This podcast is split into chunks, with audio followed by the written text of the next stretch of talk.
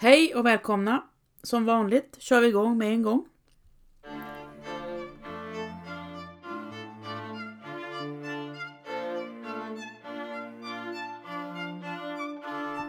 Karl XI skriver i sin anteckningsbok i juni 1682. Den 17, som lördagmorgonen klockan tre fjärdingar på sju, blev en gemål förlossad och födde en son. Sonens namn är Karl. Han får sin egen informator vid fyra och kommer i manfolks kläder vid sju. Hans far, Karl XI, är mycket angelägen om sonens utbildning som han själv anser sig sakna. Karl följer med sin far på truppmönstringar. Han lär sig rida och skjuta. Starta aldrig ett krig min gosse, förmanar han sin son, säkert vid flera tillfällen. Och kanske hade han ingen aning om vad Karl skrev 1689 vid sju års ålder. Jag önskar att jag en gång hava lyckan att följa min pappa i fält.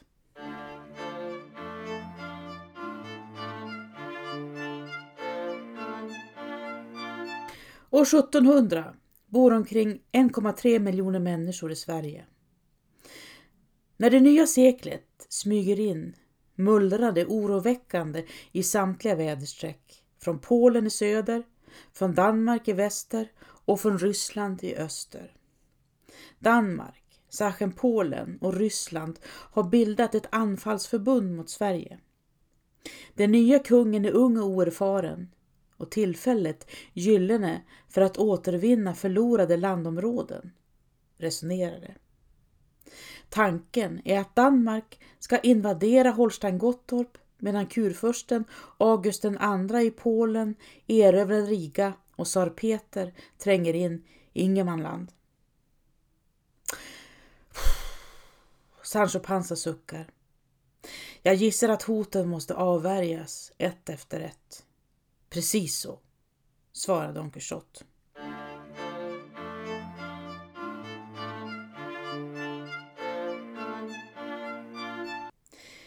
Vad gör man när grannarna anfaller från flera olika håll?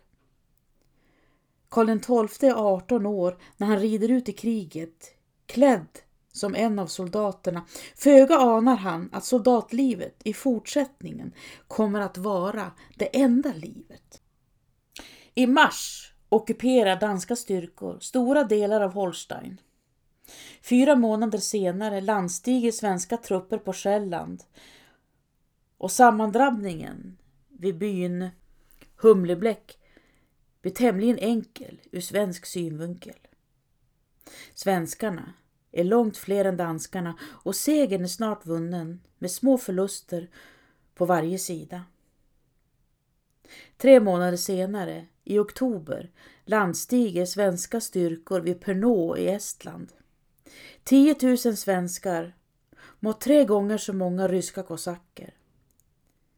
Det råder ett förfärligt busväder. Snön yr, stormen rister och lägger sig i ryggarna på svensken. Den isiga vinden för dem framåt samtidigt som samma ilskna vind piskar i kosackernas ansikten och tvingar dem på reträtt. Det blir en närmast osannolik stor svensk seger.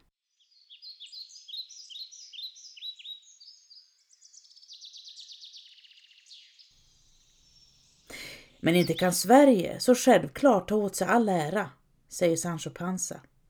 Gott. Här avgör vädret. Det går inte att komma ifrån.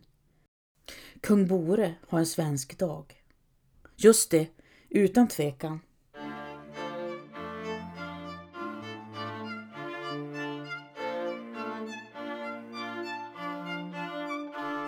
I början av februari 1706 står ett större slag utanför polska Fraustadt. Den rysk-saxiska styrkan är dubbelt så stor som den svenska och svenske krigsmannen Joakim Mattias Lyth skriver i sin dagbok. Det högmodade över oss och sa Vi wollen die Mauschen leben fangen. Vi ska fånga mössen levande. Sverige har den mindre armén, men ryttarna är fler och det fäller avgörandet. Vid fjärde sammandrabbningen flyr fienden.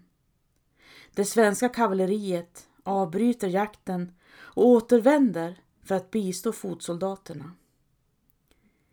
Det blev genom Guds hjälp en annan lek och dans för dem så snart svenska dragoner kom till häst igen, skriver Joakim Mattias Lyth senare. Och vad kan vi lära oss av det? frågar Sancho Panza. Två saker, svarar Don Quixote. Högmod går före fall, men framför allt underskatta aldrig din fiende.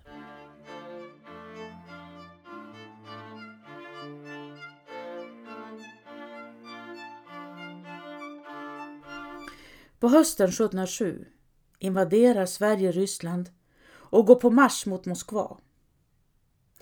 Nu har kung Bore vänt tågen till rysk tid. Vädret är uselt, kosackerna gör frekventa överraskningsräder och förnödenheterna hemifrån, maten, drycken, kläderna och filtarna når inte fram. Så Karl XII beslutar att avbryta offensiven. Vintern efter visar sig vara ännu svårare och manfallet blir stort. De svenska soldaterna dör som flugor. Som flugor, fyller Sancho Panza i som ett eko. Karolinerna drar sig ändå inte hemåt utan blir kvar i Österled. Karl XII skadar foten i mitten av juni. Han drabbas av blodförgiftning och överlämnar ansvaret åt fältmarskalk Carl Gustav Rensköld. En månad senare anländer tsar Peter till staden Poltava som karolinerna ockuperat. Han beordrar attack och håller ett eldigt brandtal till sina kosacker. Nu har timman slagit. Antingen kommer Ryssland att förgöras eller så kommer hon att födas på nytt i en ädlare form.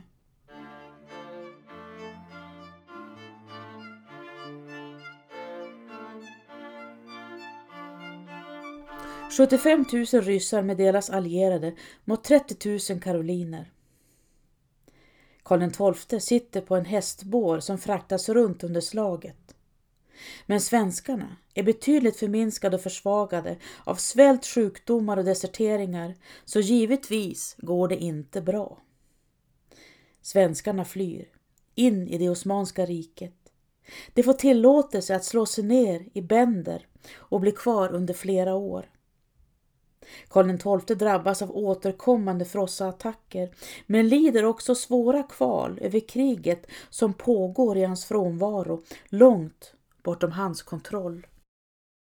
Han önskar tsar Peters huvud på ett fat och skulle gärna klämma ihop honom mellan tummen och pekfingret om det vore möjligt. Men istället är det omöjligt. Tsar Peter är över två meter lång och känd för sin fysiska brutalitet.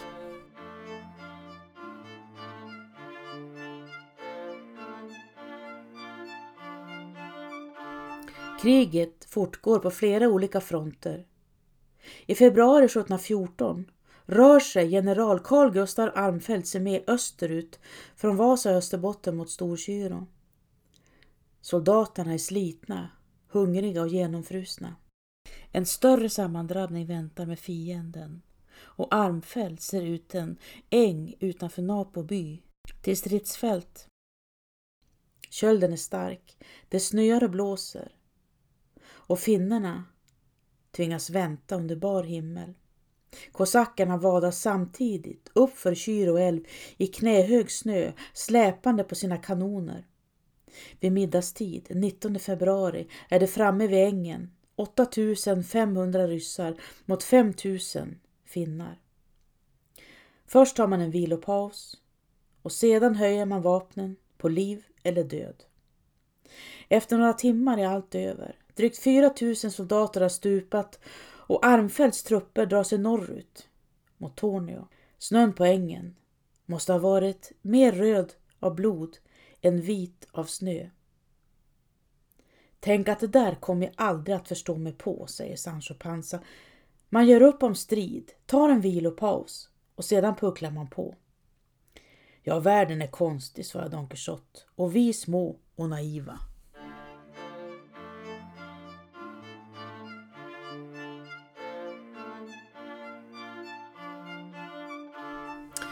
Den 13 februari 1715 klockan fem på morgonen stiger Karl XII i land utanför Trelleborg.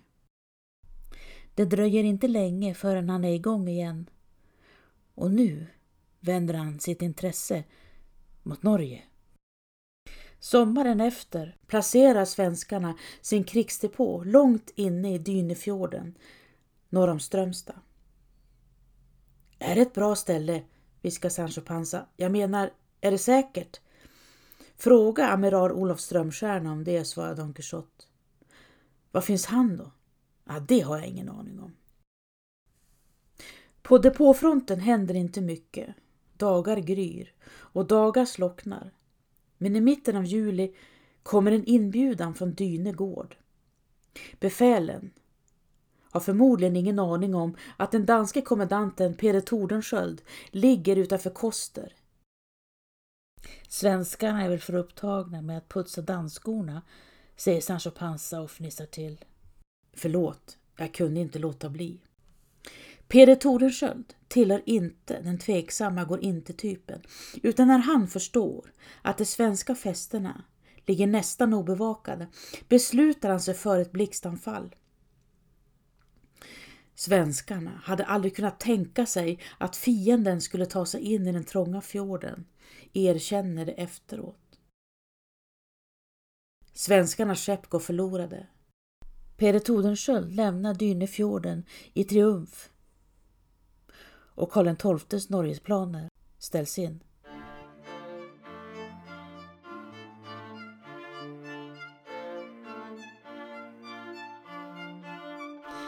Fyra år senare dödas Tordenskjöld under en duell i Tyskland.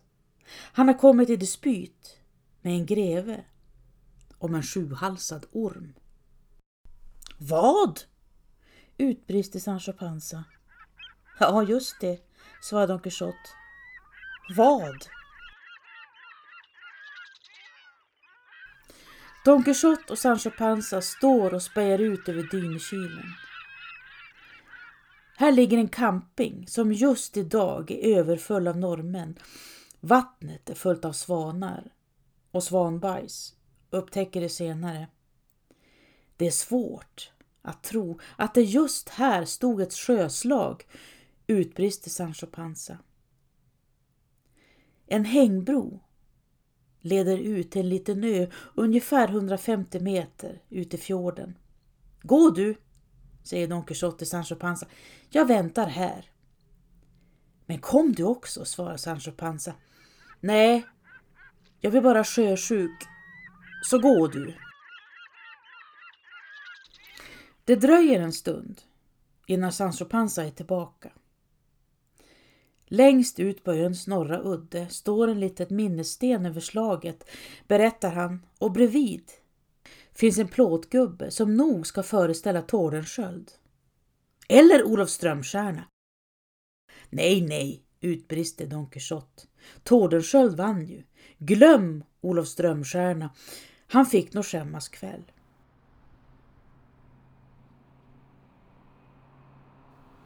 Några veckor tidigare hade Don Quixote och Sancho Panza bilat genom Årefjällen och passerat åtskilliga minnesmärken över karolinernas vandring från Trondheim till Handöl.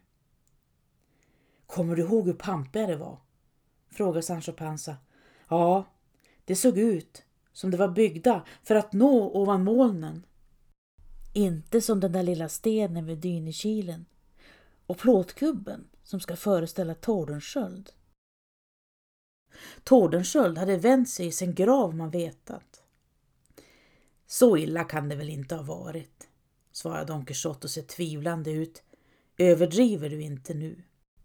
Ja, men ge dig ut på hängbron och titta efter själv då. Det behövs inte, svarade Don Quixote. Jag tror dig.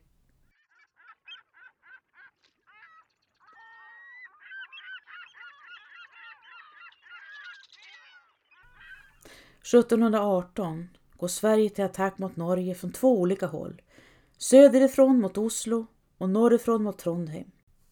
Trondheim hamnar under belägring och efter en tid tryter matförråden. Sjukdomar börjar sprida sig och inom loppet av några veckor dör 6 000 människor. På julafton kommer beskedet att Karl XII stupat. Krigståget i norr leds av Carl Gustav Armfelt. Armfelt? Ja, visst, just det, han från Storkyrå har vågat sig fram igen. Nu är det bråttom att ta sig över till Sverige och fyra dagar senare lämnar soldaterna Trondheim och marscherar mot Tydal, tre mil bort. De har vägvisare med sig och ett par kvinnor som mest fungerar som gisslan ifall vägvisarna skulle få för sig att lura ut dem på irrvägar.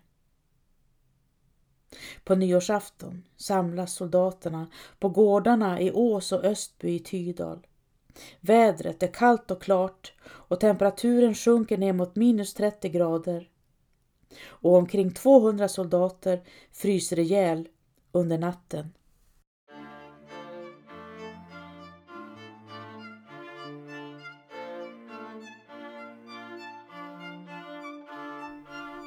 Nästa morgon börjar man röra sig västerut. Målet är byn Handöl, fem och en halv mil bort. Men under eftermiddagen blåser det upp till snöstorm. Mot kvällen har karolinerna nått öfjällets norrsida. Man bränner upp det man kan, bössor och slädar, för att få lite värme. Men även denna natt fryser flera hundra karoliner ihjäl. Stormen håller i sig och karolinerna hamnar ur kurs. Återtåget över de jämtländska fjällen fortsätter i kaos. Man slår läger vid älven Enan och slår hål i isen för att se åt vilket håll vattnet rinner.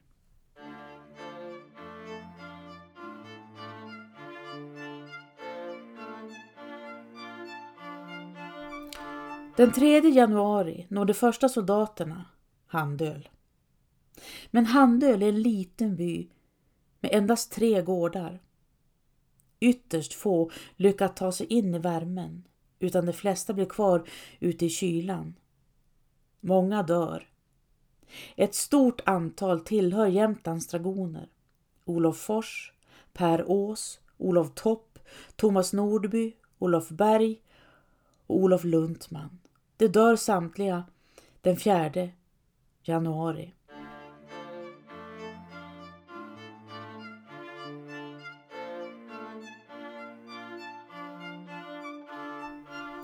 Under de närmaste veckorna trillar karolinerna ner från fjällen som spillror. De sjuka tas till Duveds skans medan de döda begravs på en och samma gång den 20 januari 1719. 600 människor vid sidan av den frusna älven.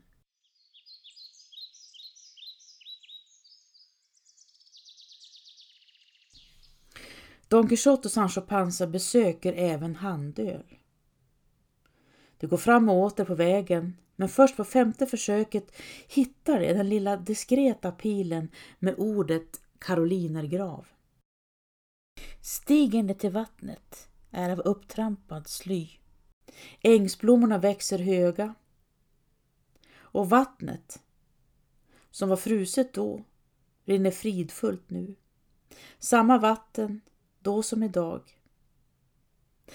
Sancho, kan vi begripa? Nej, det är omöjligt, svarar Sancho Panza. Men kanske en karolinervåffla uppe på kaféet? Med hjortronsylt? Eller varför inte hallon?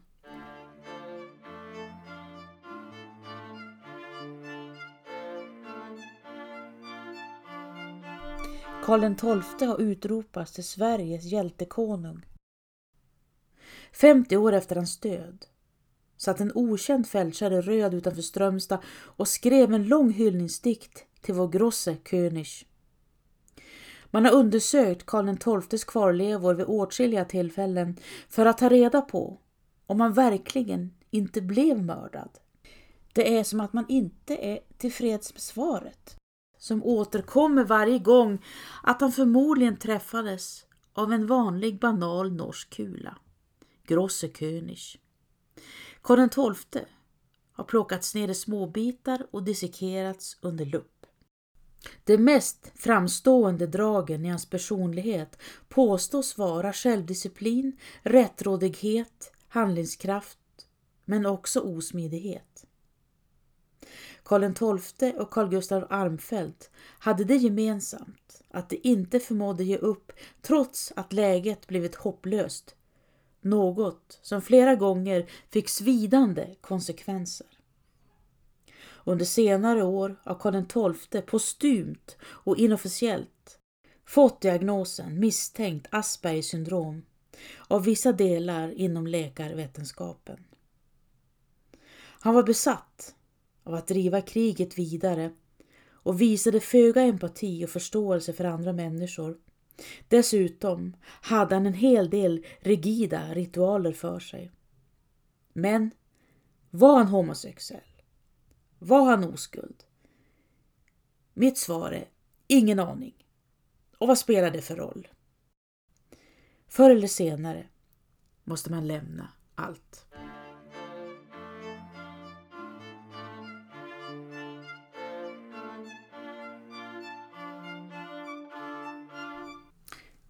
Det var allt för idag. Tack för att ni lyssnat.